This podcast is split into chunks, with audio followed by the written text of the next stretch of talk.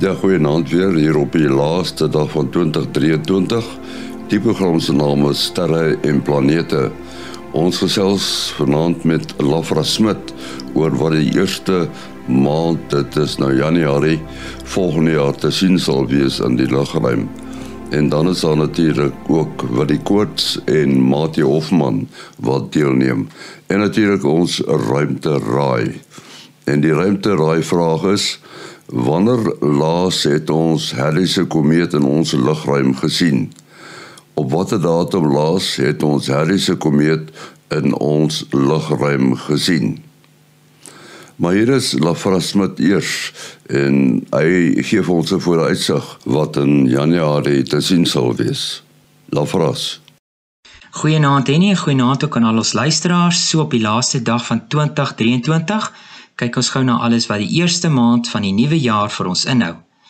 As ons so met die datums afgaan, op die 3de is die aarde op sy naaste punt aan die son.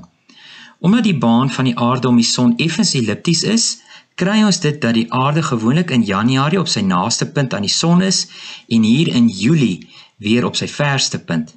Dit stem ook toevallig ooreen met ons seisoene in die suidelike halfrond, maar speel baie min indien enigsins 'n rol op die klimaat veral as jy in ag neem dat die gemiddelde afstand tussen die aarde en die son 150 miljoen kilometer is. Dit kan wissel tussen 148 en 152 miljoen kilometer tussen die twee punte, so die ekstra 2 miljoen kilometer is eintlik weglaatbaar klein. Die oggend van die 8ste sal die maan 'n mooi driehoek met die helder rooi ster Antares van die Skorpioen en die planeet Venus maak. Die 9de sal die maan dan nader aan Venus wees en die 10de naby Mars.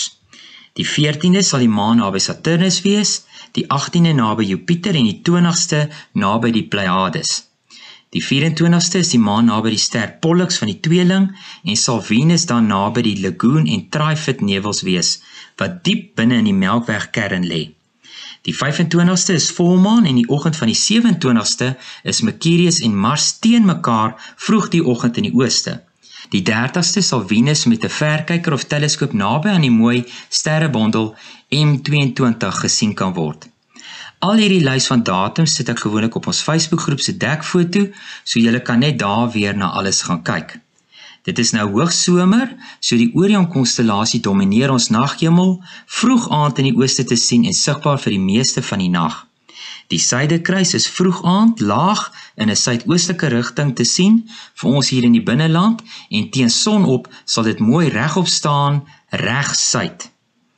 As ons na die planete kyk, Mercurius is reg deur die maand sigbaar laag in die ooste net voor sonop Dit maak 'n konjunksie met Mars die oggend van die 27ste, so onthou om dit nie mis te loop nie.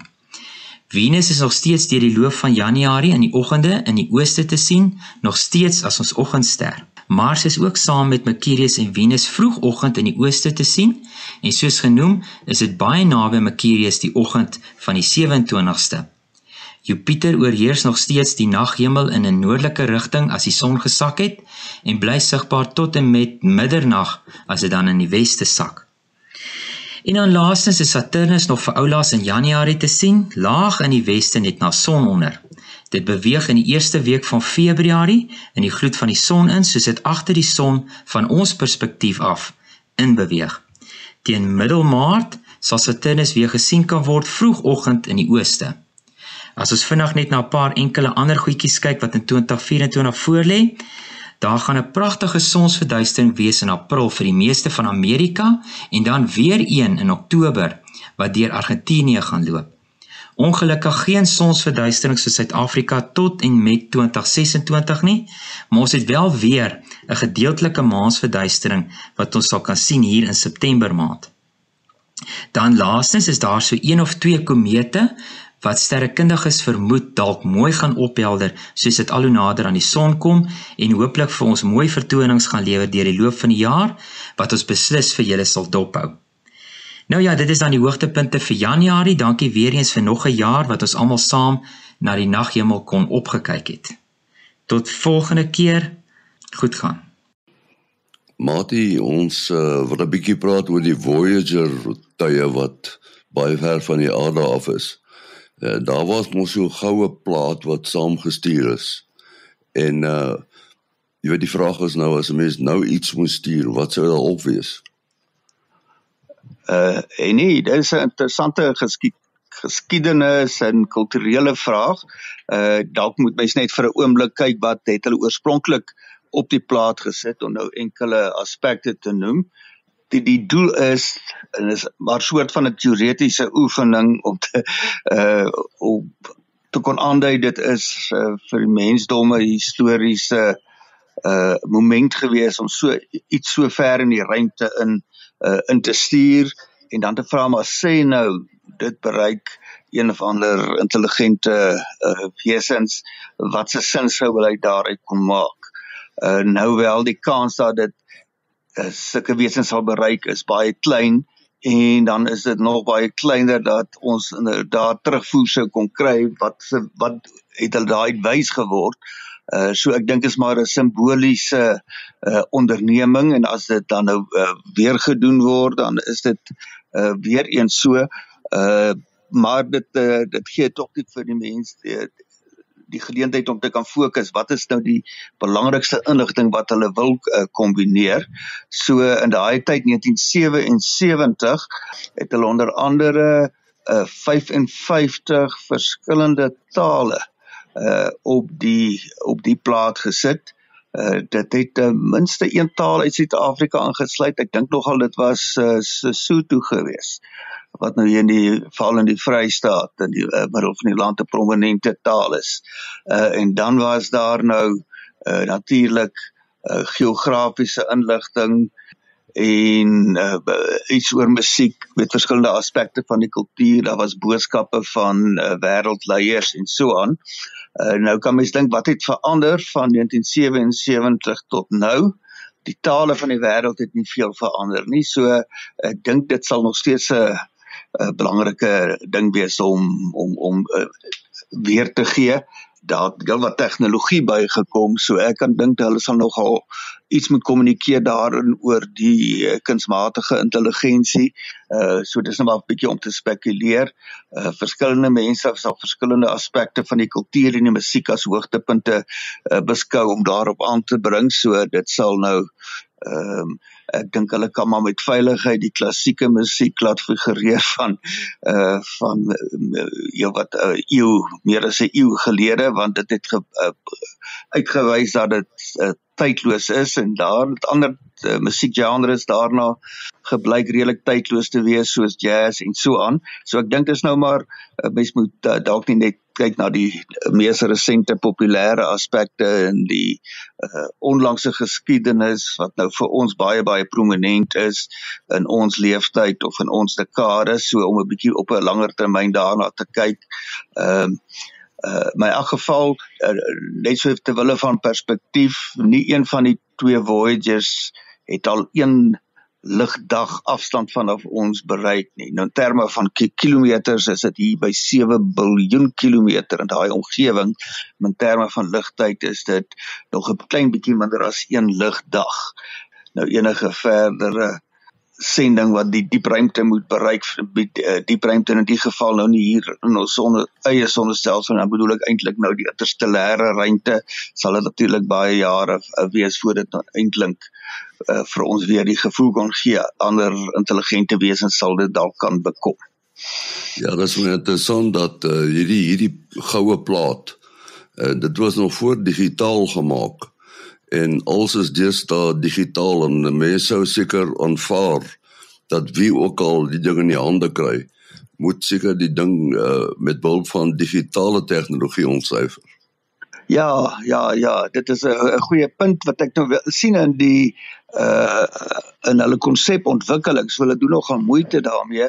Het hulle twee opsies. Uh die een is indien 'n uh, minder ontwikkelde, maar daarom steeds ontwikkelde uh uh beskawing uh, dit sou kon kry teenoor 'n uh, meer uh ontwikkelde. Ek dink van die goed moet met die mees basiese moontlike tegnologie wat selfs in die drukwerk op die plaat, maar wel ons ding nou nog in terme van 'n plaat. Uh mense van ongeslag kan ook daaraan dink en uh, die oorspronklike plaat was uh net mooi 'n uh, 'n voet 12 duim groot en uh dit dit ook mooi visuele ontwerpe op uh, gehad wat net visueel is sonder dat jy die data daarop ge uh kon lees. Ehm um, ja, so uh, dit sal interessant wees waarmee hulle uiteindelik vorendag kom. Lyk my nie dit is al uh, genoegsame detail uh, uitgesorteer nie. Ja, wel uh, ons het in die program al baie gepraat oor die sogenaamde diep ruim netwerk, die Deep Space Network. Maar wat ek kan wat ek nie kan glo nie is dit nou uh, al 60 jaar gelede is wat hulle dit goed opgesit het. Ja, dis reg, 24ste Desember 1963 het het hulle afgeskop en dit is natuurlik nou destyds met die eerste diep ruim sendinge in die begin natuurlik maan toe en daarvan af dieper in die ruimte en ons het nou net gepraat van Voyager en en daai jy moet natuurlik met hierdie tye moet jy die heeltyd kan kommunikeer jy moet vir hulle kan instruksies stuur wat moet hulle volgende doen hoe moet hulle draai hoe moet hulle hulle vuurpyle vuur ensovoorts en dan natuurlik net so belangrik is jy moet ehm um, hulle data kan terugkry om om verwerk te word want dit die meeste van die tye het 'n spesifieke ruimtetye het 'n spesifieke sending. Destyds was Suid-Afrika natuurlik deel van die diepruim uh, sending gewees. Dit was Goldstone nog al die tyd die hoofstasie in Kalifornië, Amerika. Um en dan uh, in in Australië het hulle ook geskuif. Hulle is deesdae in Canberra. Hulle was op 'n ander plek destyds in in Australië en natuurlik in Suid-Afrika was dit hart wat later hartebeeshoek en vandag nog hartebeeshoek radio sterrewag is. Uh wat die drie uh, stasies gestaan het. Daar's mense dan op 'n aardbol gaan kyk dan sal jy sien hierdie drie wys omtrent 120 grade uit mekaar uit en en dit wil sê te enige tyd kan jy um, met enige tuig praat ten minste een van die uh stasies sal sal hom kan sien. Nou ja, die Suid-Afrikaanse stasie is hier in die 70s toegemaak en toe verskuif na Madrid, Spanje toe.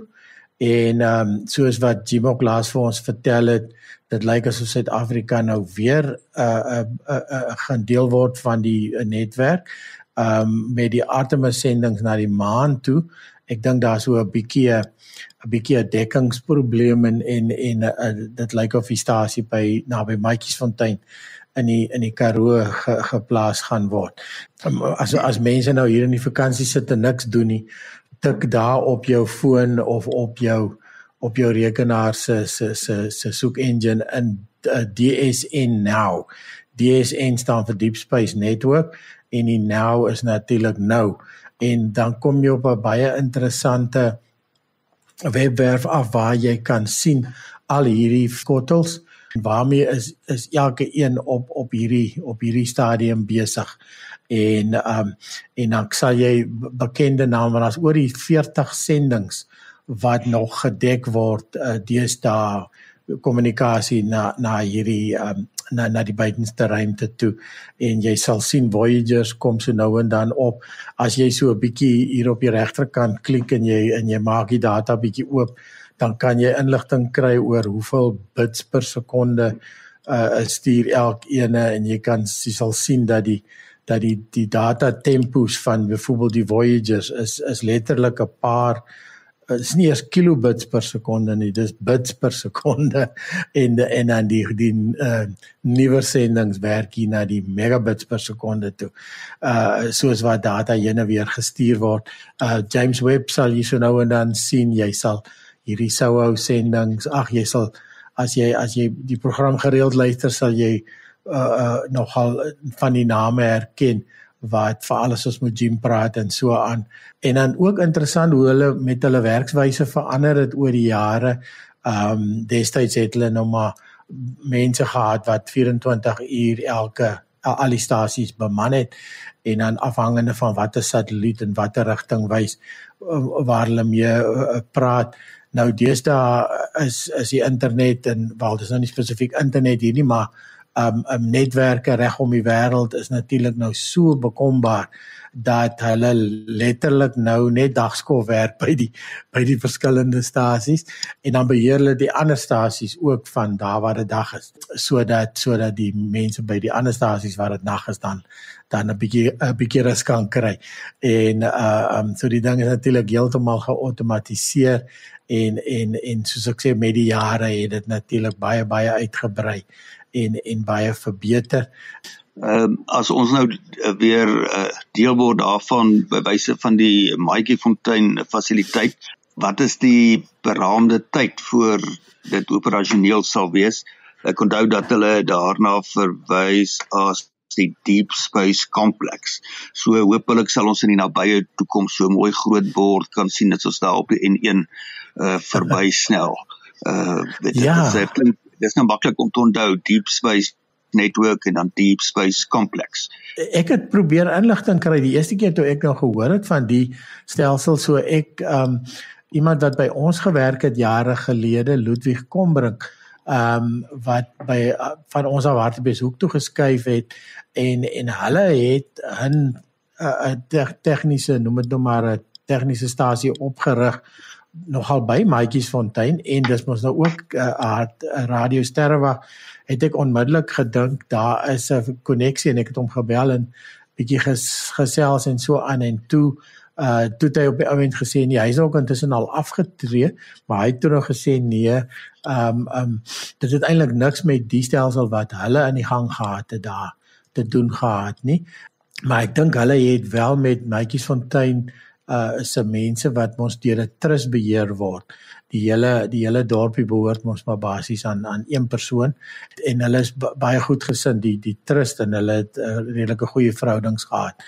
En ek nou intussen probeer uitvind of hulle al die terrein gekies het presies waar die satelliete waar die skottels gaan kom en en of dit dieselfde is as wat hartbeeshoek se mense uh vir 'n tyd gebruik het en en uh, uh maar niks van dit is nog duidelik nie. So ja, so die tydlyn wanneer dit gaan gebeur is is uh is ek net so nuuskierig om die antwoord te weet. Ongelukkig die die die Artemis projek moet nou is besig om in in werking te kom. Ek bedoel daar sal uh, toetsvlugte, so dis nie ver in die toekoms nie. So dit sal waarskynlik as ek nou moet draai daarom seker so binne die volgende 2 jaar of so of uh, dalk 3 jaar moet wees as dit ek ja. meen om so fasiliteite te vestig met uh, groot antennes dit uh, dit doen jy nie in enkele maande nie Julle sal onthou ons het ek dink is laas jaar met Badri Yunus gepraat wat aan die hoof staan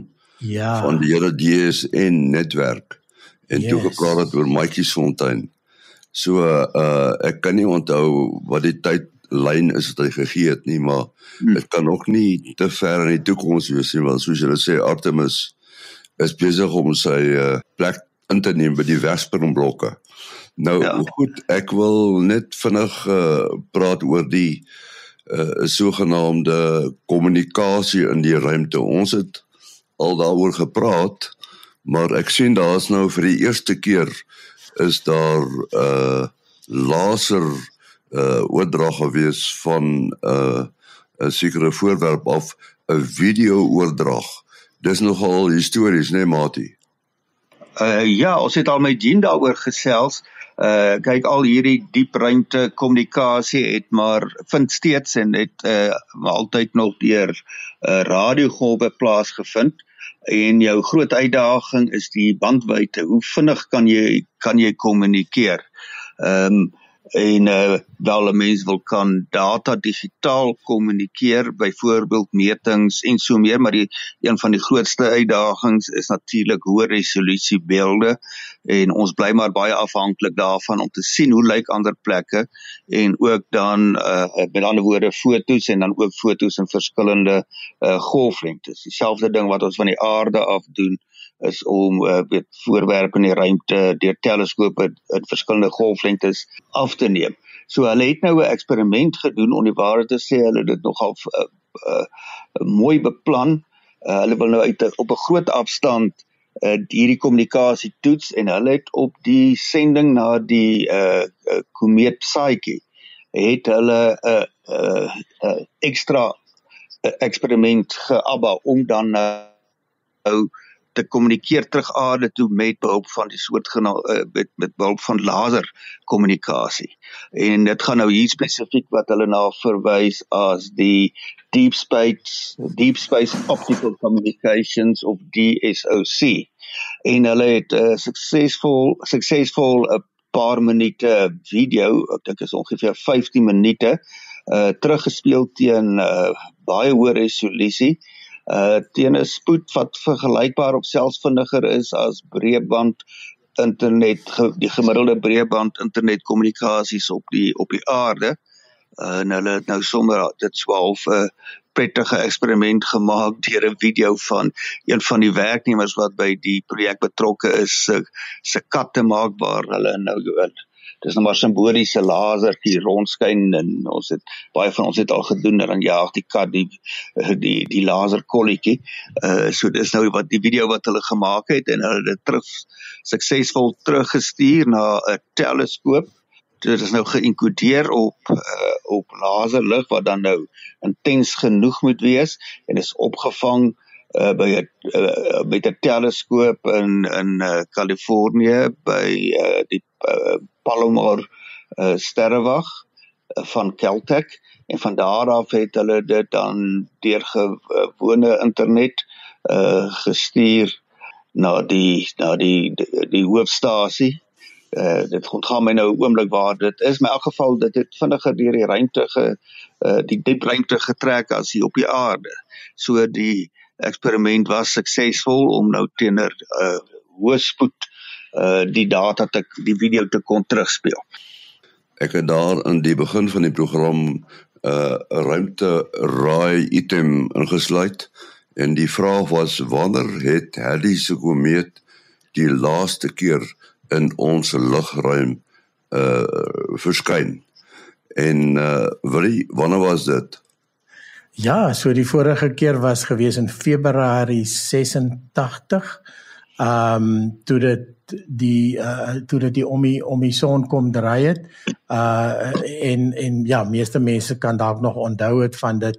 En so aan ja, so Halley se komeet het so uh, ek sien hulle gee sy um, baan aan 76 jaar is gewoonlik die antwoord maar ek sien hulle gee hom dit kan varieer tussen 75 en 79 jaar wat hy om die om die son kom draai elke keer ja hulle se komeet is natuurlik al die bekendste van alle komete um Edmund Halley het juis uh dit uh uitgewerk dat uh, die inkomeet wat sedert 240 voor Christus uh elke 75 76 jaar hier draai kom maak het is elke keer dieselfde komeet. Hulle het ongelukkig nie gelewe om um om die volgende uh, die die, die uh 19 1758 uh uh draai te om die son te kom te kan kom waarneem nie.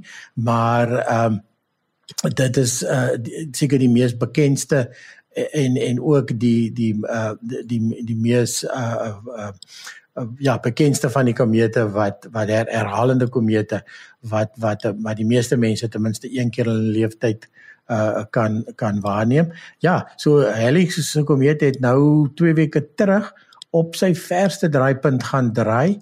Uh 35 keer die afstand tussen ons en die son. Uh net aan die kant die baan van Neptunus. So die uh, komeet is nou weer op pad terug en die 28ste Julie 2061 kom hy weer hier om die son 'n uh, draai maak. So dit is ook ook 'n historiese gebeurtenis omdat hy tans die verste weg is van die son. Wat is jou besonderhede? Ja, telefoonnommer uh, 0724579208.